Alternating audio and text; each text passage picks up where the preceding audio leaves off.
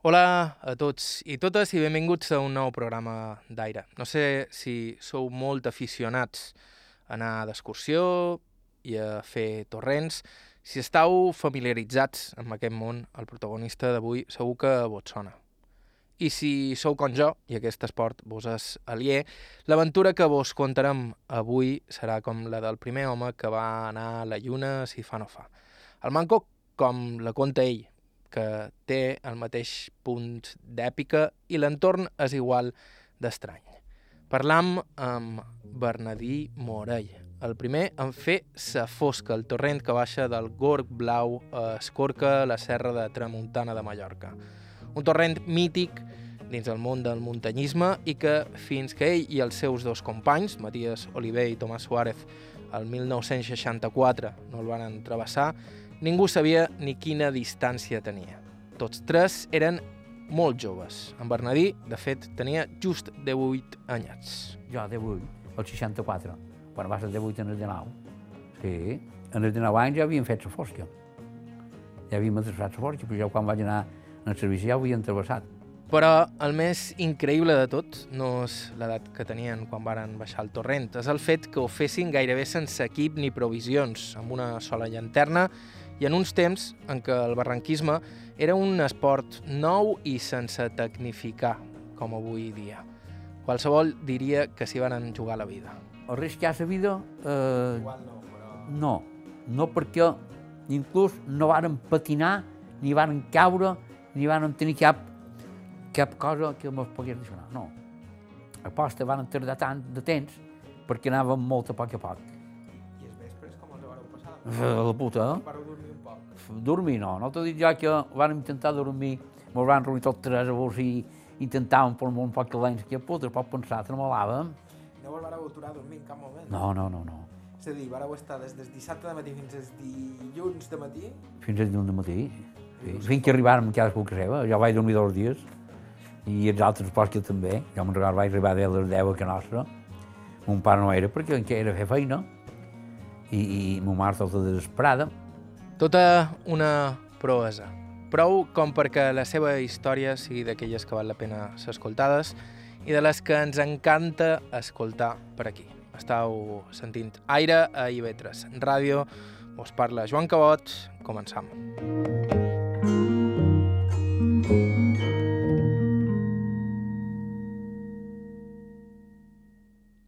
I començam, com sempre, amb les presentacions. Entrevistam Bernadí Morell a casa seva, a Esporles, on ha viscut les darreres dècades, prou temps com per considerar-lo ja del poble, tot i que ell va néixer a Sant Joan.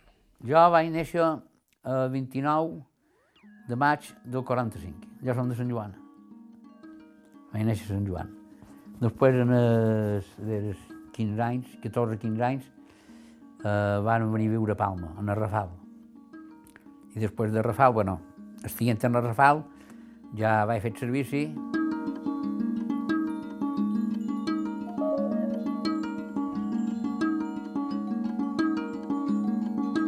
El meu pare va fer molt d'any de feina a Sant Joan, era agricultor. Mon mare mon mare era de, de casa perquè eren vuit germans, ara ja en van quedant cinc.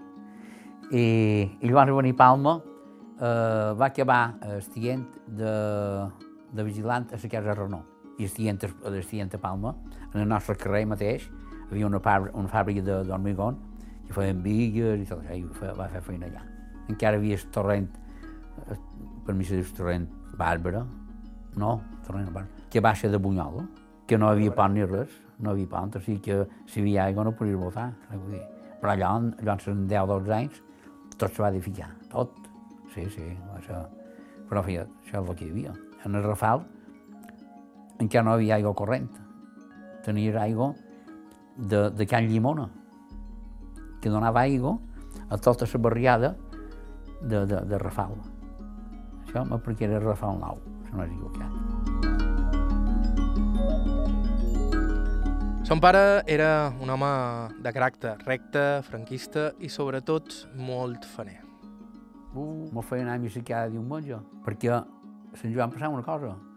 Si era gent que anava a jornal o que fos, si el diumenge no te a missa, potser no te contractaven per fer feina, saps què vull dir?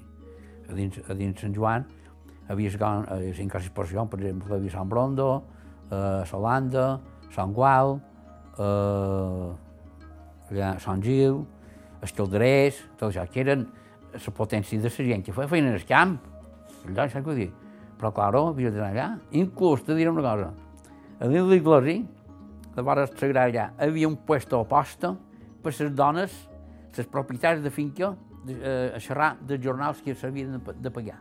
Allà dins ajustaven els, els preus del jornal que havien de donar les dones i tot això. A dins de.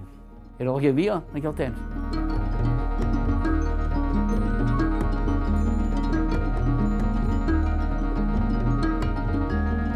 Érem vuit i va fer una casa i va comprar vuit solars.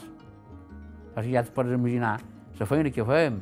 Que al final, quan va voler comprar la casa a Palma, que ja no van estar del de, de, de, de, venguent tot el que tenia per Sant Joan. Anava regalat. Regalat, però. Quan vivien a Sant Joan, en en Bernadí, la feina en el camp mai li va agradar. No li agradava gens, de fet. Així que va agrair el trasllat cap a Palma, que li va permetre al Manco dedicar-se a altres coses. Primer, eh, fer de picapedrer, i després, per intersecció d'un amic, va entrar en un taller mecànic, feina que seria el seu ofici fins que es va jubilar. Fem feina al camp i jo no m'anava això, no m'anava que me mandassin ni, ni segons quines coses. Bé, no, no, ja. Això va ser l'època que va ser la transició, que, per exemple, molts de missatges i jornalers que feien en el camp, que feien, se n'anaven a fer de camarers en els hotels. Fer feina en el camp, guanyaves, si guanyaves 2.000 pessetes en si guanyaves en l'hotel, perquè llavors se feien unes barrines les barrines, saps què vull dir? No, ara deia negoci, llavors se feien de mil pessetes cada mes, cada any, però dos sacs de blat, un porc, cada qual. Això s'ha acabat. Diu, jo me'n vaig a Serenal, fa 8 hores o 10 hores i guany quatre vegades més que, que, que, que, que, que en tot l'any de fer feina, en un mes. I, i d'aquí venia, va venir això, perquè a Sant Joan tots eren pagesos, no va quedar ningú. És lògic. Perquè jo el darrer any que vaig fer feina a Sant Joan, el darrer any no, sí, el darrer any, vaig fer, jo tenia 15 anys, 15 anys, i, i feia feina amb una batedora, saps que era una batedora? El que en aquell temps se deien ses meses. 45 dies. 45 dies, eh? no un dia. 45 dies, diumenge i diferent, dissabte igual. De les 9 i mitja, quan havia fui la robada, començava a batre, i fins a les 11 del vespre. I quan vàrem acabar, que me donaven, me pagaven una mensualitat, quan van acabar em van arreglar els, els, els dueños, perdó, 500 pessetes, i tenia 15 anys. Figura't tu, el tio se'n feia de fortuna. I érem, a lo millor érem 12 o 14 persones, eh? perquè saps que és una, una garba, dai, una garba, aquesta batedora, si era d'ordi, se fotia 150 cabellons o 160 cabellons, que un cabelló són 10 garbes, o sigui 1.600 garbes, si era de blat un poc menys, però em feien de feina. I jo, com que no tenia tanta força, ets que feia sac de pes. Pam, pam, pam, un basco, pam, pam. Però 45 dies, eh? Van batre en Sant Joan, Sineu, Petra i Vilafranca. I jo vaig dir, aquesta puta feina, vaig dir, ah, pa, pa, pa. No, no, i mon pare encara me cercava feina, no, no, no, em van cercar feina per avall. Vaig dir,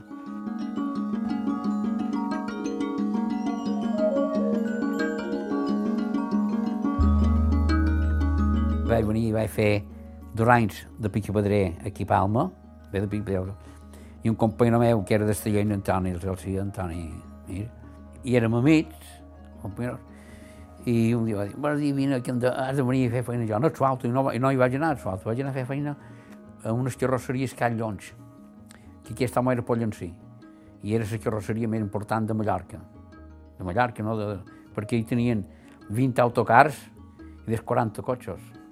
Però l'amo, havia uns operaris que eren recomanants. Ja allà per ser, va ser allà on vaig aprendre més.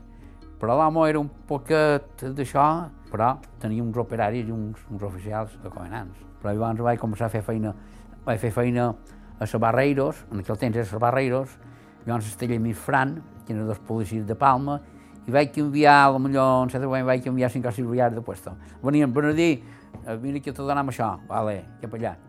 Venien, vine, vinga aquí, cap aquí, cap allà. Fins que al final, jo estava encarregat, què va passar? Bé, dic, I jo tenc tots els mals de cats i, i, i, i quan, com qualsevol, i fins quan vaig decidir venir aquí, ha una nave que era d'un home que jo sempre el vaig apreciar, que el deien Espeole, era un home que se'n va anar a Venezuela, va fer dos vés per allà, tal i qual, i tenia unes naves aquí, tot el que era el banc de Santander, tot això era seu. Bé, que se'n va venir aquí, va explotar dos vés i després va arruïnar, i va quedar. I mai ja s'anava, i vaig parar al taller. I havia de venir amb un socio que teníem, en el taller mi faran. I res, que eh, s'ha de venir, aquell no va voler venir, i, i vam venir tot sol, venir dir hora. Llavors, deixat de d'haver 10 12 anys que era, vaig comprar, no sé si ho saps ara, una fruteria a la carretera. Mm. Aquesta fruteria i l'agència immobiliari és meu. I ara ho tenc llogat. Perquè el fill va fer feina bastant d'anys en jo, però el que passa en, en, en els pobles, què passa? Te du uns cotxes arreglar, bé, demà passaré, però diuen demà, però no d'aquí una setmana, d'aquí un mes, i per munt, i el fill va dir, no, no, diu, jo això no ho puc aguantar, i ara fa feina a Palma. I va deixar el taller i jo vaig, ho vaig llogar.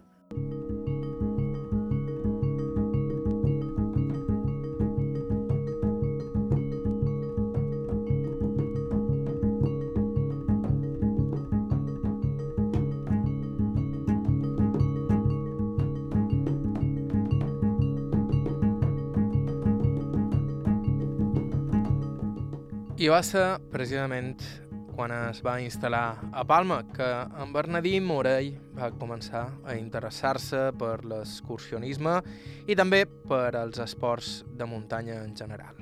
Si en em vaig incorporar en el grup Boy Scout de, de, de Seminari Vell. I va ser allà on vaig començar a tenir activitats en els Boy Scouts, tota la muntanya i, i totes aquestes coses. Jo quan vaig venir a Palma, eh, jo me trobava molt format. Jo no, no, dins Palma no, no, no he pogut viure mai. Jo crec que era, vaig un dia a Palma i ja era mort. Hi havia en Rafal, que per cert, ara, ara també ha crescut molt, però no molt. Però és un, és un bueno, no sé si ho coneix, són carrers de plantes baixes, igual, hi ha una planta baixa, igual. I tenia una germana que estava criada en el que va, no fundador, sinó el que va promocionar l'escultisme a Mallorca, que era un tal Eladi Oms que era son pare d'un d'aquests homes de Barcelona, que eren, no sé si eren consellers, no sé bé. I, va, i ella li va parlar, diu, no, jo tinc un germà que li agrada molt, ai, que vengui. I vaig anar, i tenien la sede a la Seminari Vell. I vaig anar i m'ha encantat, perquè cada dissabte o cada diumenge activitats per la muntanya, cap aquí, cap allà, i tal qual. I m'ha agradat, i vaig, vaig continuar fins que em vaig anar al servici. Quan vaig anar al servici, doncs, ja m'haig de fer un poquet perquè, doncs, vaig anar al servici de 9 anys, de ja vaig tenir 21 anys, vaig poder festejar i després ja estar. Però llavors aquí a Espoldes van fundar un, un club d'excursió de, de, i he estat el president de 30 anys, a, a 35.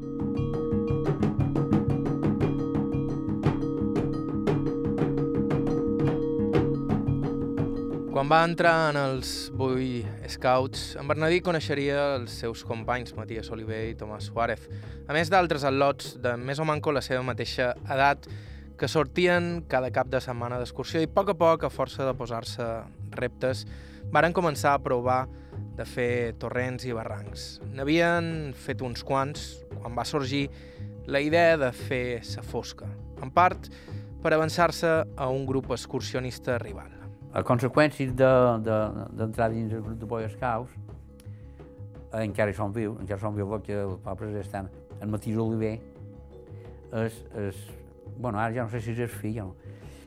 Ell era, era representant, tenien una perfumeria i era representant. Però als vespres tenien una habitació llogada en Semer Vell i no sé si era legal, era legal, però li deien Kènia, no sé si tu no recordes res hi va haver una tenda, hi havia una tenda que se deia Kènia darrere l'Ajuntament de Palma, que molta, una temporada se va dedicar a això, a això, a això, això d'avions petits, era modelisme, d'això petit.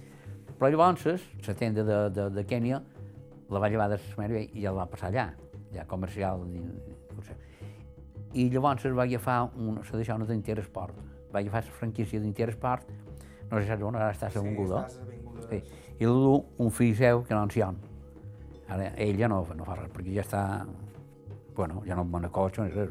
Ho vaig dir perquè sortíem, i com que érem joves, jo era dels més joves, però llavors en, en mateix tenia, no sé, tenia des 20 anys, en Tomàs era, era d'una altra colla, però també hi participava. Érem potser 10 o 12, i cada, cada moment jo fèiem excursions fortes, perquè van fer una amb un tal Vicent Mates que eh, van fer 80 quilòmetres al dia, motxilla i caminant, eh, no corrent. I van dir, bueno, i hauríem d'anar a Mama a veure si feien la força, perquè llavors en aquell temps havia el grup l'AOG, Organització Juvenil Espanyola, això que és l'AOG, que ells també havia un tal Bonet que també era, era fort amb això, en els terrenys, això. i ho provaven, i nosaltres també ho provàvem.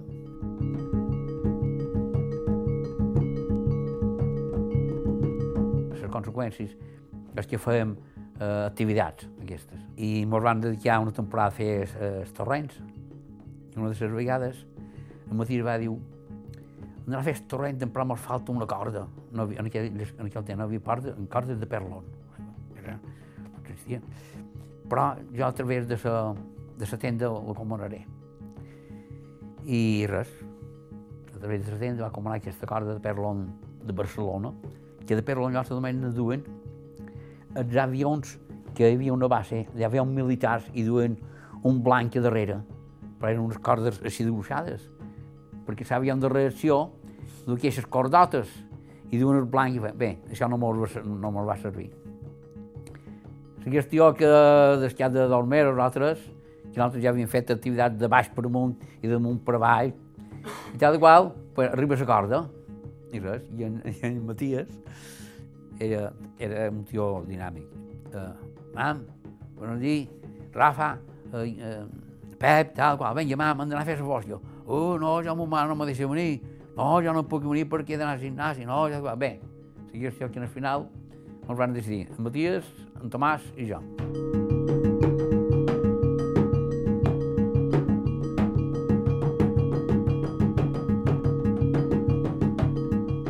Aquells tres al·lots, el més gran de poc més de 20 anys, els únics tres que es presentaren, escriurien un bocí de la història del nostre barranquisme i del nostre esport. El que ve a continuació és tota una aventura. Estau escoltant Aire i Vetres ràdio, fem una breu pausa i continuem.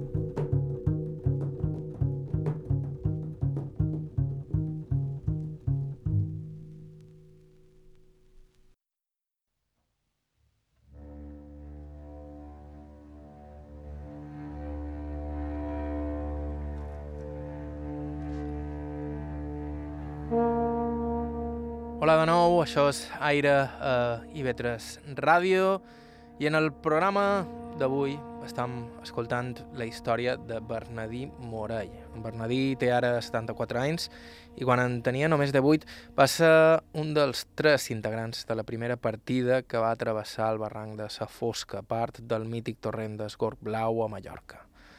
Els altres dos eren Matías Oliver i Tomàs Suárez, que només tindrien dos o tres anys més que ell, i l'equip que duen era ben escàs. Un parell de bots pneumàtics, un grapat de piquetes, 40 metres de corda, menjar per dos dies i dues llanternes.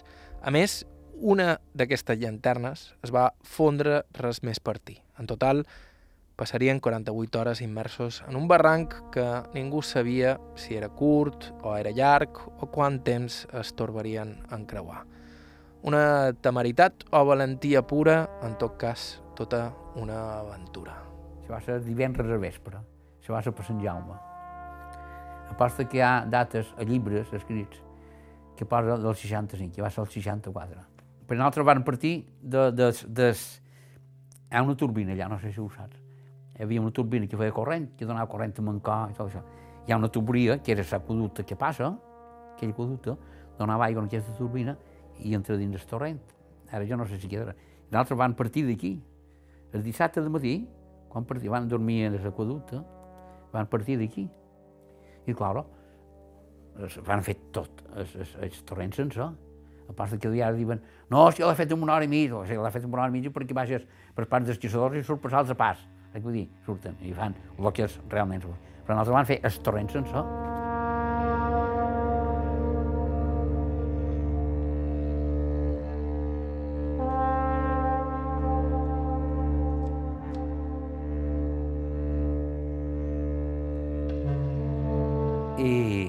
I partim amb una corda de perlon de 40 metres, dues bolsetes i així d'això d'aquell d'allà de l'ona, d'aquell tens, tots sons curts, el perdeny de tenis i una camia.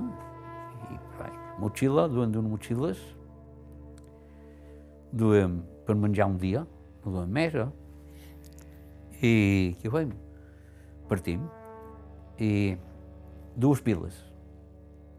Duen dues piles de butxaca. Penso perquè això, això no és un miracle, però jo no és un miracle, no crec que el van dur va ser sort, molta sort, perquè la mateixa eren iguals les piles. Quan estem en el principi de la fosca, grup, una bombilla a la font. Tu ell, jo, mare, jo veiem, continuàvem amb una pila, pam, pam, pam, pam, pam. I quan estem a la meitat de fosca o més, dup, s'acaba la pila. Què va passar? Que van tenir la gran sort que aquella pila se va fondre la bombilla, van posar, per posar el, el carregador a l'altra i continuar. Perquè si continuàvem amb les dues piles enceses, aquí van les piles allà de dins. O sigui que va ser una sortada. A més, hi havia altres obstacles. Al juliol la fosca du poca aigua, així que en alguns salts continuava baixant suposava que no hi havia retorn possible, especialment quan es varen topar amb el salt de l'acollonament, que òbviament es diu així per una bona raó. I res, i tirant per avall. Fins que arribam en el punt clave, que és el part de l'acollonament, que ho diuen ara. Bueno, eh, què fem, què no fem? Això era el dissabte de matí. Bueno, si mos tiràvem a dins, si baixam, eh, feia 20 metres, i si està a 8, de 22, perquè depèn de l'aigua, el caudal d'aigua que i, i, i per Sant Pere, no, no, per Sant Jaume, no hi ha molt aigua perquè m'apliqué per Sant Juny, al juliol. Hi havia poca aigua i tenia d'haver 22 metres. Clar, què passava? Que la corda en doble no bastava, perquè havia l'aigua baix, però si, si agafaves la corda en doble, perquè tu, havies, tu no senties la corda que peies dins l'aigua i no sabies si quedava molta distància, o no? No ho sabia. I feim, tirant la, eh, pujant la corda, la mallàvem amb un, amb un cap només, i van per sobre la distància que hi havia. Van dir, no mos queda més remei que baixar només amb una corda. Vale. Però què passa? Baixam en les dues cordes, però amb una jo de dalt l'aguantava, perquè era més ligero. I així tenia més força física d'ell, perquè ell era, en Matías era gros, i en, i en, i en Tomàs. Què passa? Tu creuràs que per no posar una piqueta, per no posar una piqueta, perquè no en duen dues, feia un rigoró així, així, de gros. Jo vaig agafar una pedra, això no ho diu perquè és un criment, si, si ho saben, i, i, si, i, si, i si la pedra se'n va, m'anam a una puta tots. I a dins el rigoró, què feia? Vaig ficar la pedra en Sant Martí, pam, pam, pam, ben fiada, ben, ben atascada allà dins, vaig passar la pedra, la corda per de dins. Ara figura't, no. I, i res, que aquells baixaren, i llavors, per recuperar la corda, jo vaig tirar tota la corda per baix i vaig formar una de prima que duem, en el cap. Perquè de baix no el podíem, no el podíem, van posar estirar, no el podíem. Van dir, farem un tros de de corda a dalt, de la gruixada, i l'altre la prima. I ells de baix comptaven la prima i ja m'ho per la llarga. Ara figura't. Bé, però el moment de posar la corda allà va ser quan va venir el moment crític, perquè en Tomàs feia el servici, en Matías tenia la perfumeria, i ja que el demà havia d'anar al taller. Què feien que no feien demà? Jo baix, jo vaig primer i baixar, avall per avall. I aquell llac deu tenir 200 o 150 metres de llarg, estret, estret, perquè se podrà dar quan hi tornàrem. Ah, bueno, jo hi vaig tornar, he tornat vegades. I, i jo nedant, nedant, uh, pam, pam, pam. I vaig fer per. I ells estaven a 20 o 25 metres d'alt, ja xerrant, i jo em vaig fent fora, i doncs jo vaig, jo vaig estar una hora o més, perquè m'anava a veure si podia continuar o no, perquè antes de llevar la corda hem de saber si poden continuar o no. I vaig mirar, i vaig dir jo, per mi, per mi, vaig. I es diu, sí, vinga, baixem, tu d'ell, què feim, baixam o no baixam? I van arribar a la conclusió, baixam. Que pot estar un dia aquí dins. Bé, serà dissabte i mos quedava el diumenge. Mos ballam per avall i vengui per avall. A l'hora de llevar la corda, ho vam mirar les quatre cinc vegades, perquè si el llevàvem, no hem de seguir, eh? O sigui que, a veure, vam la corda i per un bat. I anàvem votant, votant. A pasta, només van emplear una piqueta, a dura. No em van posar així, tal, no, no, no, no. Formats a la corda, passat per un forat o el que fos, així com podíem. Era empleant mínim material possible, que no en duim. Això també s'ha de dir, eh? que, que no en duim de material. Però vaja, des que duim encara no va sobrar, era una piqueta, a dues. I,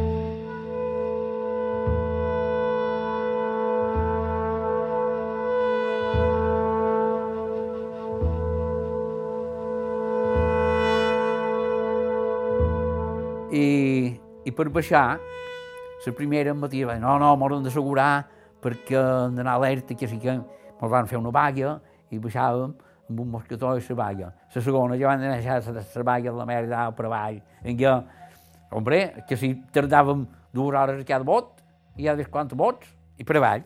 I res que eh, va venir el vespre, bueno, ens pensàvem que era el vespre, i van dir que fem, que fem, que fem. Mentrestant anàvem tots banyats, perquè anàvem banyats. I què van fer?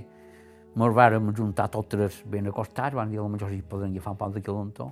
Van dir que no quilontó ni res, tremolàvem. I en Matí va dir, no, no, vinga, vinga, per en band. Tirant per en band, hi ha trossos que hi peia el sol a dins. Peiam a dins un, a dins un, una olla, com això de gros, però tenia de 5 metres d'altura. Molt. Jo, quan era més petit i el més ligero, en, to, en, en a baix, en Tomàs a damunt, així amb les mans allargant en el peu, i jo vaig pujar per amunt i vaig poder agafar, se, se, vaig poder sortir de l'olla, perquè si no, no havia manera de sortir. Perquè, si hi ha hagut aigua, sí, ja servia que vaig tornar a havia aigua, coinut, per dur pam i surts, però si no aigua, saps que és de puta. I res, la qüestió sortint d'aquest i anant continuant. I dins un altre també mos va passar el mateix, va passar que hi havia un tronc molt gros i van poder sortir. O sigui, farà per, per, per, per, per tronc i van sortir. Això és el que fèiem allà de dins. Allà dins, la sort va voler que no tinguessin gairebé un moment de llum natural, que en alguns punts s'entra dins el barranc.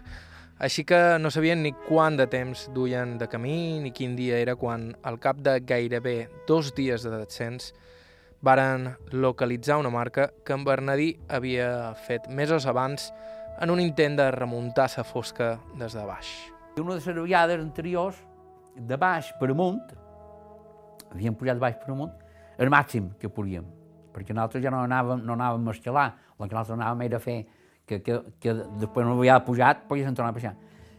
Ens trobàvem un gord també molt gros, ben ple, que la, la canal de l'aigua pegava, faltava un metro per, per, per pegar i vessava per damunt. Clar, bueno, perquè si vessa per damunt, tot el millor se fa voltar i tal. Qual. I aquesta vegada que jo anava davant, bueno, sempre hi vaig anar davant, o sigui que no, no, aquells sempre estaven pendents de les circumstàncies. Vot, i quan vaig votar, aquest vot com sona, però, va dir, però aquest vot, eh, sabia que ja vaig a ser, era molt més amunt, i, de, i aquesta vegada jo vaig fer una ratxa, en el martell, aquesta vegada, la darrera vegada que vam pujar, una ratxa en el nivell de l'aigua.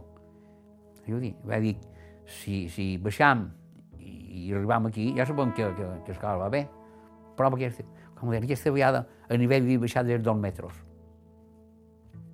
No, vaig començar a mirar, jo, no vaig veure res, i això baixa en Matías, jo, i en Matías fins a la, la ratxa, ja diu, aquí és la ratxa, la senya, ja està, ja han passat.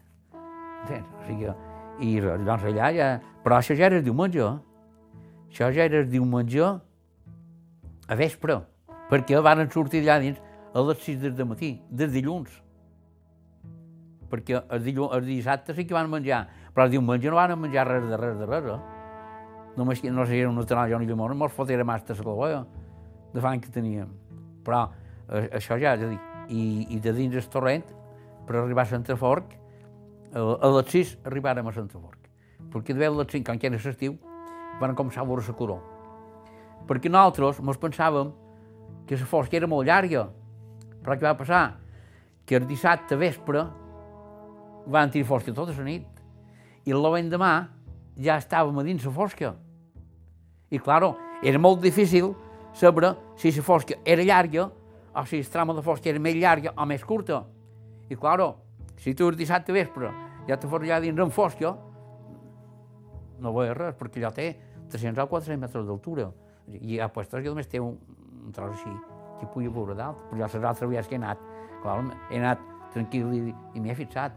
Però I clar, i el diumenge vàrem estar quasi tots els temps en fosca, a dins la fosca. I clar, i el diumenge vespre, el dilluns, quan sortien i van començar a veure la color, clar, van dir, aquí hi ha color. Però, clar, no sabem si, si estàs enrere el color o no, perquè era fosca en la nit. I la fosca no és molt llarga, la fosca pot tenir no sé, 400 o 500 metres, o 600. Però si tu hi vas i el dissabte vespre ja tens fosca, el diumenge tens fosca, i, i el diumenge vespre tornes a tenir fosca, i dius, això és tot fosc. Però, clar, no, no és així. Estan de fosca més curt. I quan van veure això, van dir, bueno, ja està, ara ja sabem els tros que mos queda i tal, igual. I, i ja ho van agafar amb, tranquil, amb tranquil·litat, més, més, més pulsat. I vos va aguantar la pila? La pila va aguantar. La pila va aguantar. Si no aguanta la pila, bueno, ja s'ha quedat allà dins. I mos haguéssim hagut de cercar. Havia un que ho sabies. Havia un que era aquesta la d'Ioms. Només li havíeu dit una persona. Sí, en Matías li havia dit. Ni mon pare, ni, ni son pare, ni son mare, ni, ni cap Matías sabien on érem. No vos haguessin deixat? No, que va, pot pensar. Bueno, son pare d'en son pare d'en Tomàs era militar, no sé si sabíem que no, que diu, si quieres que Tomás te pego un tiro, pero nunca más me hagas putadas de estas.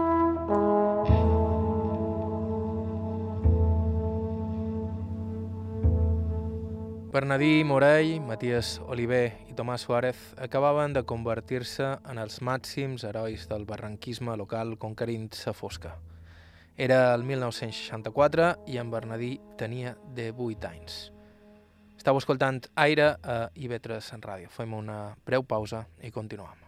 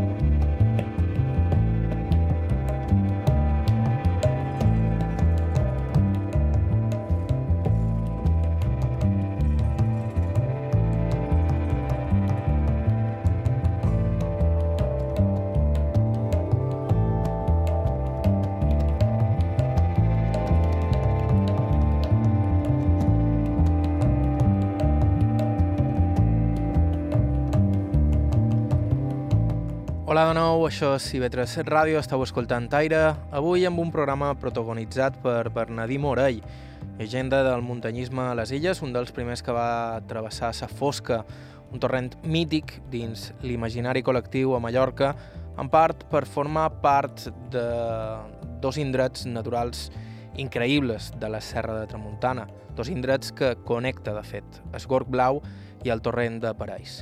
Com ha explicat fa una estona en Bernadí, juntament amb els seus companys Matías Oliver i Tomàs Suárez, varen creuar per primer cop el torrent un cap de setmana de juliol de 1964 sense gairebé equip, en uns temps en què el barranquisme, com aquell que diu, acabava de néixer. La proesa els va suposar dos dies de trajecte per dins del torrent i en sortir no els esperava cap comitiva. De fet, passarien dies abans que la seva conquesta transcendís. Quan varen sortir? Doncs pues mira, eh, quan varen sortir, en Matías, com que havia molta d'aigua allà, va dir, bé, com que no hem fet, ara mos relaxarem un poc. I a dins de dues barquetes van fer dues voltes per dins del llac, per allà, a celebrar la victòria. Sortim, ja pa veure com sortirem. Duem meibas. I a tots tres, a cada, a cada redal d'anca, duem un forat així. De rossellar el cul per les roques. No, sense exagerar, eh? Duem un forat, de, forat en, en el meibas de rossellar el cul per les roques, ja, perquè hi va haver moments que el torrent, el llac, eh, era tan estret que no hi podies passar. Què passava? Eh, què passava? Que, que havies d'anar amb els peus cap allà, el cap aquí, i anar fent... I un moment al perdut tub, te fotres dins aigua. Sabies? que no, no. I, i res. I llavors vàrem, vàrem fer una volta de per allà i sortim. I a les sis, a les sis i mitja, ja sortirem, a Centrafort. Llavors havien de pujar per amunt, rebentats i tal. Sortim per amunt, i antes d'arribar a Escorca, sempre, jo, ho tenc, jo ho tenc fotografiat en això, fotografiant un pla dins la meva memòria, havia un home que m'ho va dir que tenia 87 anys, amb un burjó així d'alt. Quan surts d'Escorca, surts, i quan has fet 200 metres hi ha un portalet així, hi ha un portalet de paret. I en els 50 metres que ha portalet hi ha un ralo de sitja. I aquest home feia carbó en aquesta sitja. Ben preparada, però. Ell estava allà, però, i quan me va veure, aquella, talment, on putes veniu en aquestes hores? No tenim ganes de xerrar amb altres. I el matí va dir, venim de travessar la fòstia. Que putes, la fòstia, quin guai l'ha travessat. I em va dir, l'amo, si vol creure, creure, si no, anava a cercar, no, cap, cap, a, cap a Escorca, cap a el bar. I allà vam arribar, arribam allà, l'home mos va donar cimmades, que per cert tenc una foto d'això, de quan va fer 50 anys. Uh, mos va donar cimmades, cafè i tal i qual. I llavors el problema era anar a cercar el cotxe, perquè tenim el cotxe uh, a l'aqueducte. I me'n record que era un camió d'en Ferrer, de, de, de, d'això d'asfalt, que asfaltaven a, sí, a, a pedassaven la carretera, el cotxe d'en Matís, en Prat 600, el van a cercar en Tomàs. Tomàs va fer autostop i el camió el va dur allà. Du 600 cap a Escorca, i es tenc que menjar i tal i qual, perquè estàvem no mort de fam, però el cotxe sul carro refredar. Llavors partim cap aquí, Mari, i quan som a l'endret, nosaltres li deim el Ciuró, que surt d'aquí, Mari, per amunt, que ara molts hi van fer escalada. Allò els cotxes van tenir, es van encendre llum vermell de la temperatura. Mos turam, miram, el moran, jo crec que el van rompre, el van robar, perquè no havia restes de corretja. Els 600 duen la corretja que sortia del, del cigunyal cap a la dinamo, de la dinamo cap a la bomba de l'aigua. La corretja de la bomba de l'aigua no era. Com que ja també teníem això obert, després el concurso de dient dur a, a la Penyapé. Res, que això, d'esperar, esperar allà. Molts joim, tots van quedar dormits, fins que van sentir un pito pip, pip, pip, venien dels quatre o cinc cotxos. I va ser l'Adi Ombra aquest, que mos venien a rescatar. Va ser, però va ser, bueno, allò, mos van dir de tot, però nosaltres, cadascú, mos acompanyaren a la nostra, cadascú que seva, jo vaig dormir dos dies, en Matías no sé, no sé què va fer, i en Tomàs va, se'n va d'anar tot d'un escorter, perquè ja el cercaven. Vint telefonat casa seva, i tal qual, perquè ja, ja era com un, un desertor. Res, que va arribar allà i el sergent li va demanar que me ha pasado esto, del va per un tio tampoc molt, molt cacho. Vinga, 15 dies ja resto. El van arrestar. Però després de dos o tres dies va sortir en el diari. I el tio, el que ho va llegir, oye, ¿por qué me has dicho esto? Tal, cual. Pero usted no me dejó hablar. Aquell tio diu, venga, sal de aquí. I el vaig fer esto. I després, potser vam estar dos o tres mesos a reunir-nos.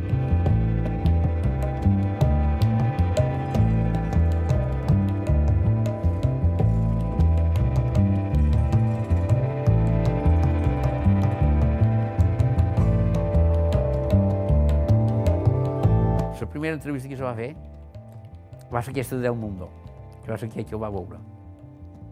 I va fer aquest reportatge.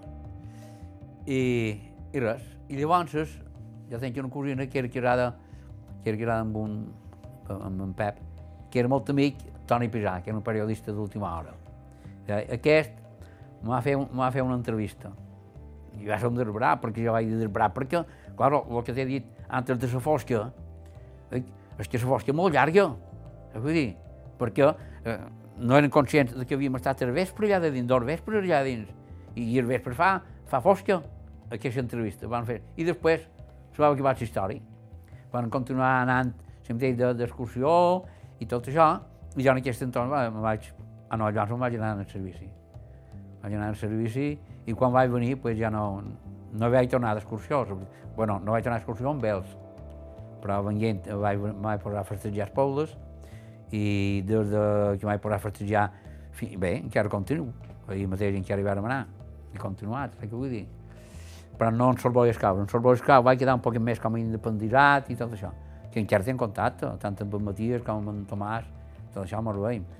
Però vaja, ja, no, ja, és, ja és molt diferent, perquè els que llavors tenien 20 anys, ara ja en tenen 70 i pico, en Matías ja en deu tenir 70, 77, i en Tomàs també, 76, 70, 77, però hi m'ho un de dos o tres anys o, o quatre. Ja en tens 74.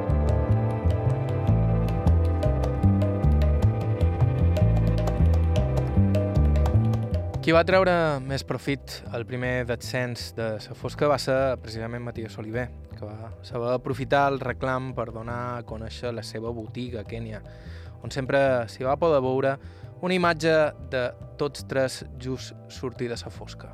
També hi va haver una mica d'això, perquè en Matías el que ho va difundir molt va ser en la, en la tenda. Allà sí va estar dia, no sé si ho va llevada, té una pantera grossa, en les tres fotos nostres. Sí, però vaja, propaganda, eh, vull dir. Hem anat a bastantes reunions i, i, i, i conferències i tot això. I, hombre, I ell també té més facilitat que jo de, de paraula. I a més, que també està més introduït. Està més introduït amb això.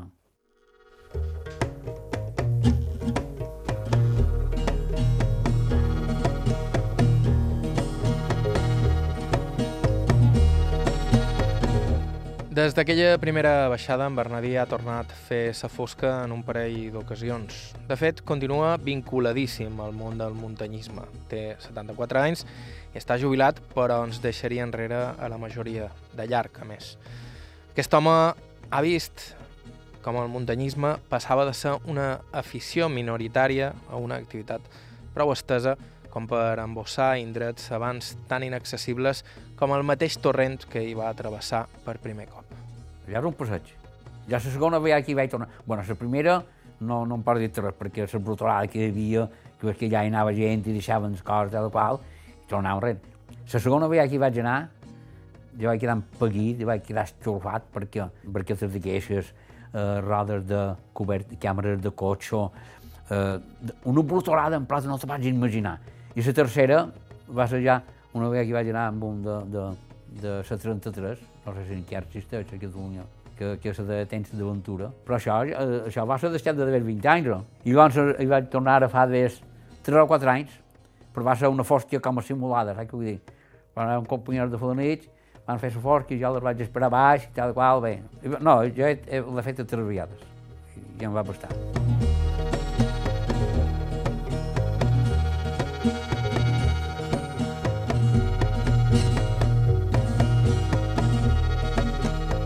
Aquell temps, ara fa 40 o 50 anys, era com anar, anava a qualsevol possessió, o passar per qualsevol part, l'amo era el primer que venia a saludar-te. L'amo, no ell. Ell l'amo, oh, bon dia, tal, qual, Ara hi vas, i n'hi ha que te foten trons, que posen els cants i tot. Perquè no mossa, mira, aquí anàvem moltes vegades. En el, en el puig que s'ho diuen, en el puig roig, en el puig roig conant, perquè travessaves i ja antes per dins una finca i després passes dins mossa i vens les cases. Com no, ja telefonaves a la dona, la dona, la dona, sí, sí, no preocupem, veniu, inclús hi havia qualque vegada que si les trobaves a dins de quan te feien cafè i tot.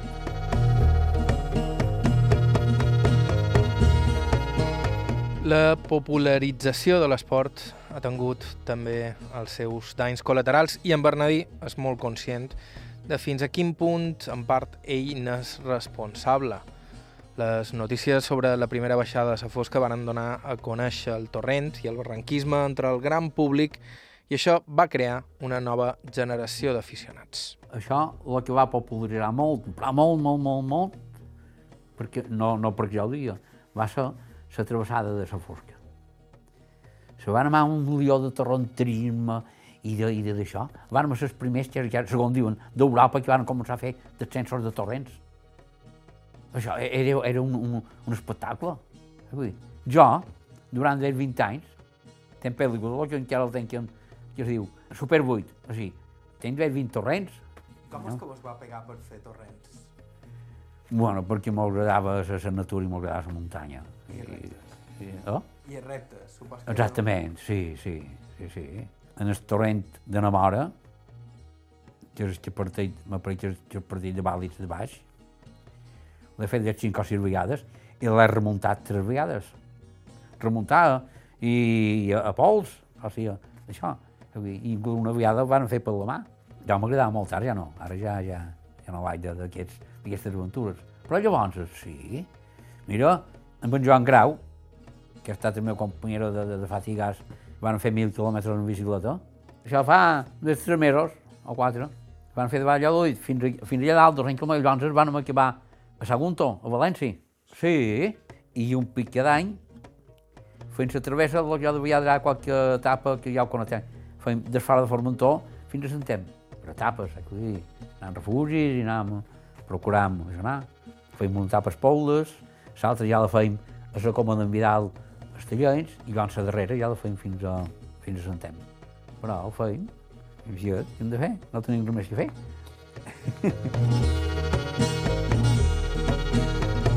Encara una anècdota més. Quan varen fer sa fosca no només varen perdre una llanterna només per ti, també la càmera fotogràfica, que els hagués permès immortalitzar un moment històric. D'aquella proesa només hi ha una foto al costat del cotxe, però cap feta en el torrent no entenc de la fosca. Perquè en el moment de fer les fotos, els que duia la màquina eren Tomàs. Eh. I van fer la foto. I encara no vàrem haver començat, quan la màquina, tu mos queues aigua. Perquè no duim flash, duim magnesi. Però a venir-se, se va acabar la història. No van fer fotos, no Només en tenim una, ja no sé on és, i era que de vegades es va, de vegades cotxe, res més. Espera, mà, si tinc cap aquí, no ho sé.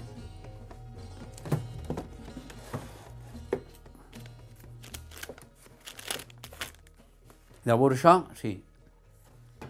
Això és d'hores 600, veus? Quan inflam la balsa, això és la bolseta que duem, però a partir d'aquí ja, ja res.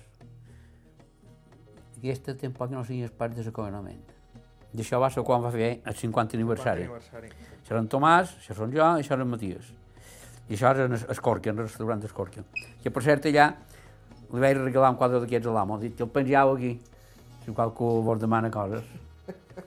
Degreu disfrutar aquelles encimades. Oh, bon Jesús Déu meu, sí, si va ser covenant.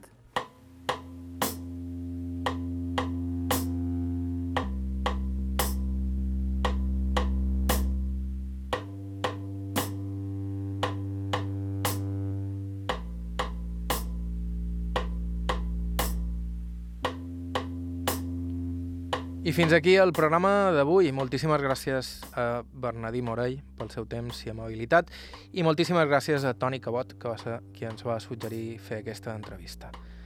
Ja que hi som, vos recordam que sempre estem cercant testimonis Així que si ens voleu proposar algun entrevistat, ho podeu fer per correu a aire.ivetresradio.com o deixant-nos un missatge en el 971 13 99 31. 971 13 99 31.